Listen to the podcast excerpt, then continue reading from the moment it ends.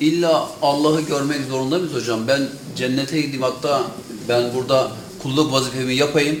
Ondan sonrasını Allah'a bırakayım. Oraya kadar Bu inanç meselesidir. Yani naslar bize bir şeyin olacağını haber vermişse bize düşen ona iman etmektir. Vukuuna ya da gayrı vukuuna iman etmektir. Cenab-ı Hak, Hazreti Peygamber olacak buyurmuştur, olacak. Biz buna iman ederiz.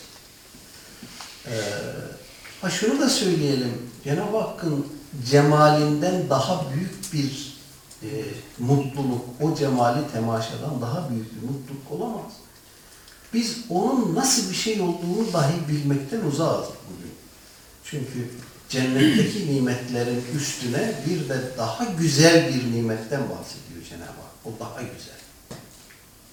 O nedir? İşte o onun cemalidir. Ama tabii bizim şu andaki algılarımız, kapasitemiz bunu e, kavramaya müsait değil. Görmeye de müsait. Evet hocam o yüzden ben hiç zorlamıyorum biliyor musunuz? Mesele en temiz. Hiç En temiz. aklıma bile getirmiyorum. Doğru değil. Yoksa kayışı kopartırız.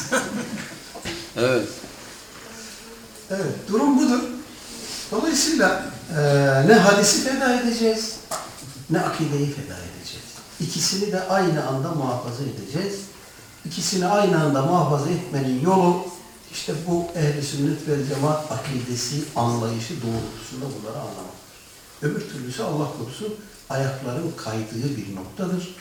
Dikkat etmek lazım. Cenab-ı Hak hepimizi sırat-ı müstakim üzere muhafaza buyursun.